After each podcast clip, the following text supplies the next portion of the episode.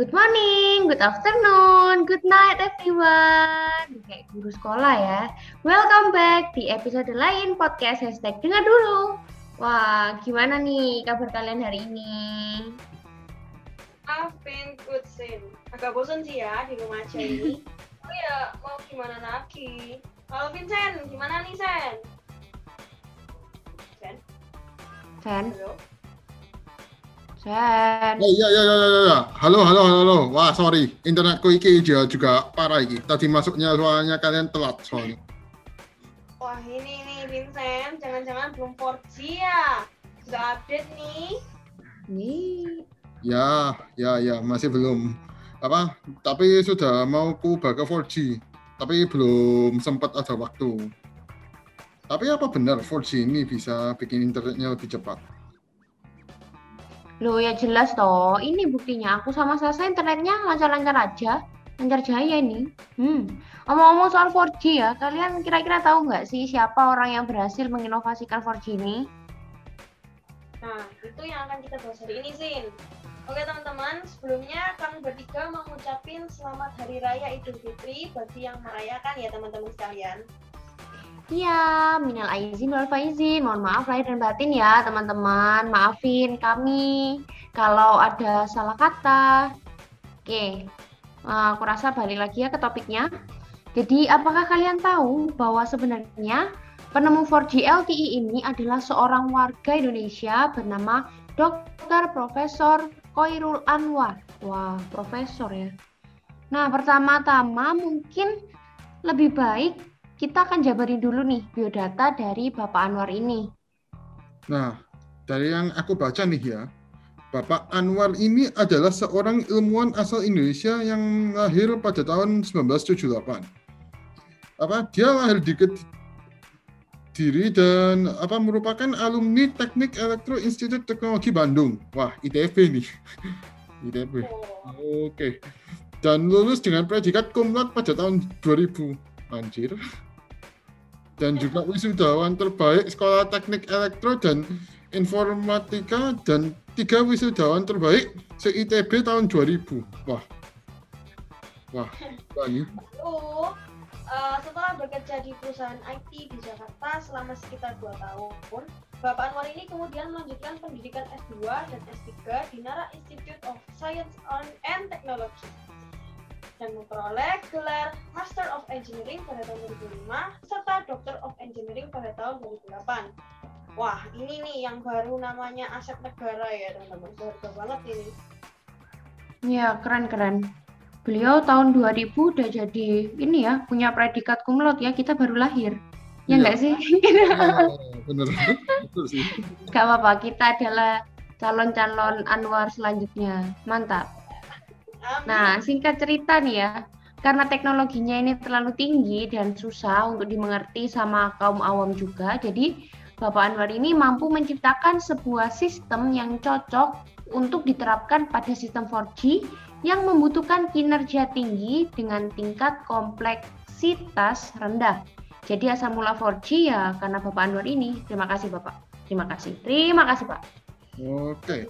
Dan temuannya ini dinamai OFDM atau kepanjangan ke- kepanjangannya adalah Orthogonal Frequency Division Multiplexing yang merupakan sebuah teknik transmisi yang menggunakan beberapa frekuensi yang saling tegak lurus atau ortogonal. Dan apa ya?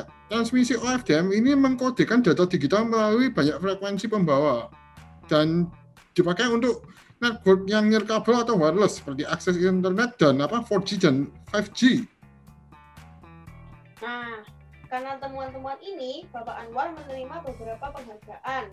Seperti, siap-siap teman-teman ini panjang banget nah penghargaannya. Boleh, boleh. Silakan, Sa. Oke. penghargaan Young Scientist Encouragement Award dan penghargaan Best Paper untuk kategori Young Scientist pada Institute of Electrical and Electronics Engineers Vehicular Technology Conference 2010 yang digelar tanggal 16 sampai 19 Mei 2010 di Taiwan. Wow guys, applause gila-gila. Keren, keren. Applause, applause, applause. Applause.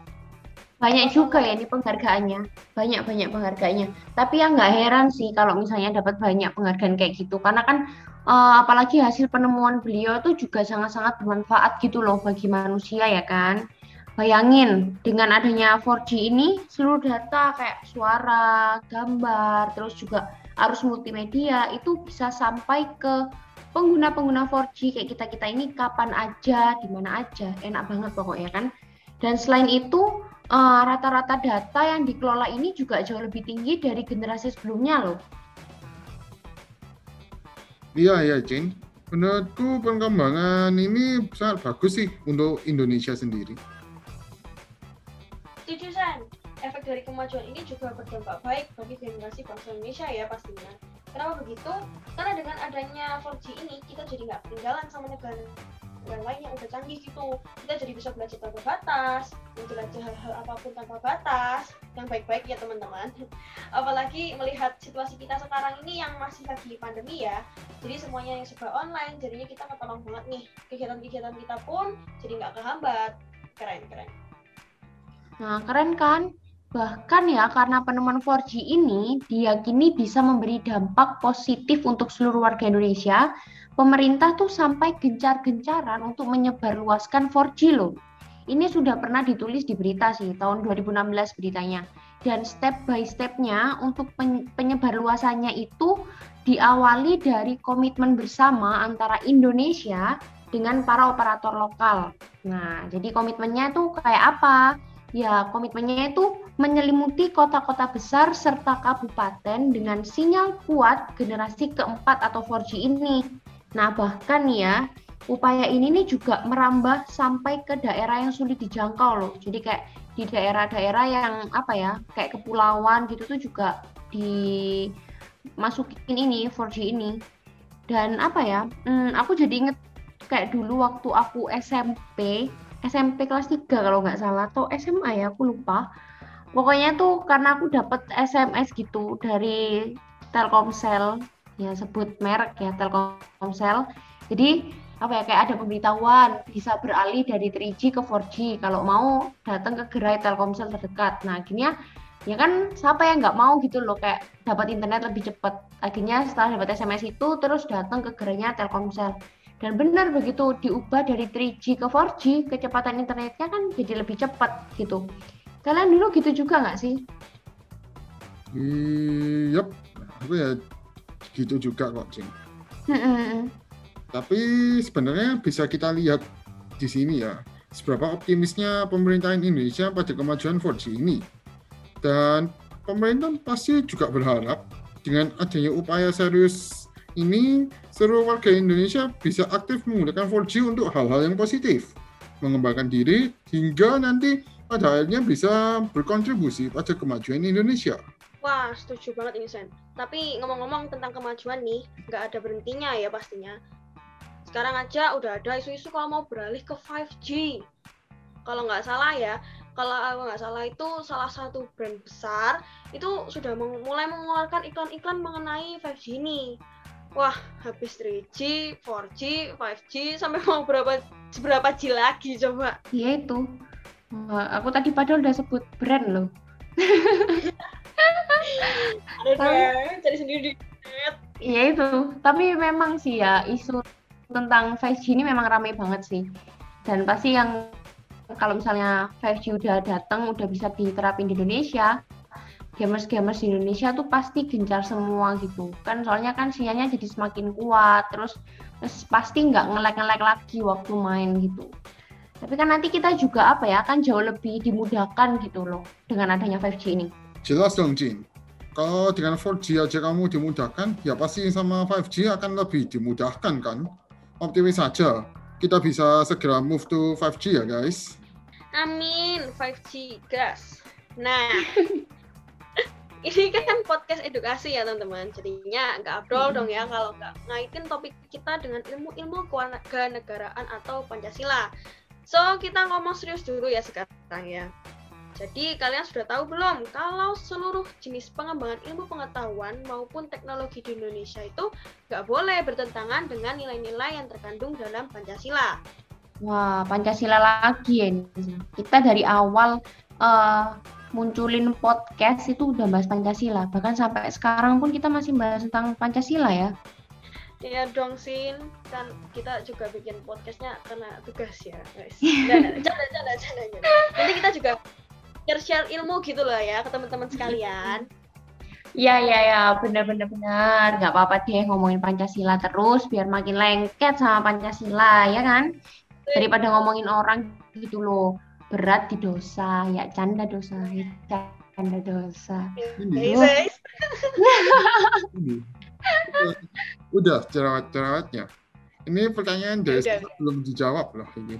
Beneran. Iya, iya. Iya, iya, Sen, ya ampun.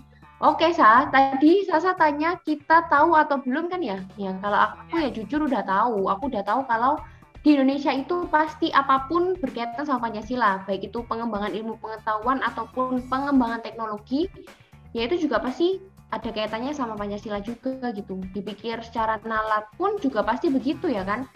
Tapi yang aku nggak tahu itu gini, maksudnya tuh kayak gimana gitu loh. Kenapa kok nggak boleh bertentangan? Hmm, ya juga ya. Gimana kalau seandainya ada penemuan yang bagus banget, yang bisa buat Indonesia lebih maju lagi, gitu. Tapi ada salah satu nilai dalam pengembangan tersebut yang nggak sesuai atau bertentangan dengan nilai dalam Pancasila. Gimana coba ya? Hmm, gini gini. Indonesia kan waktu merdeka punya ideologi negara yaitu Pancasila ya.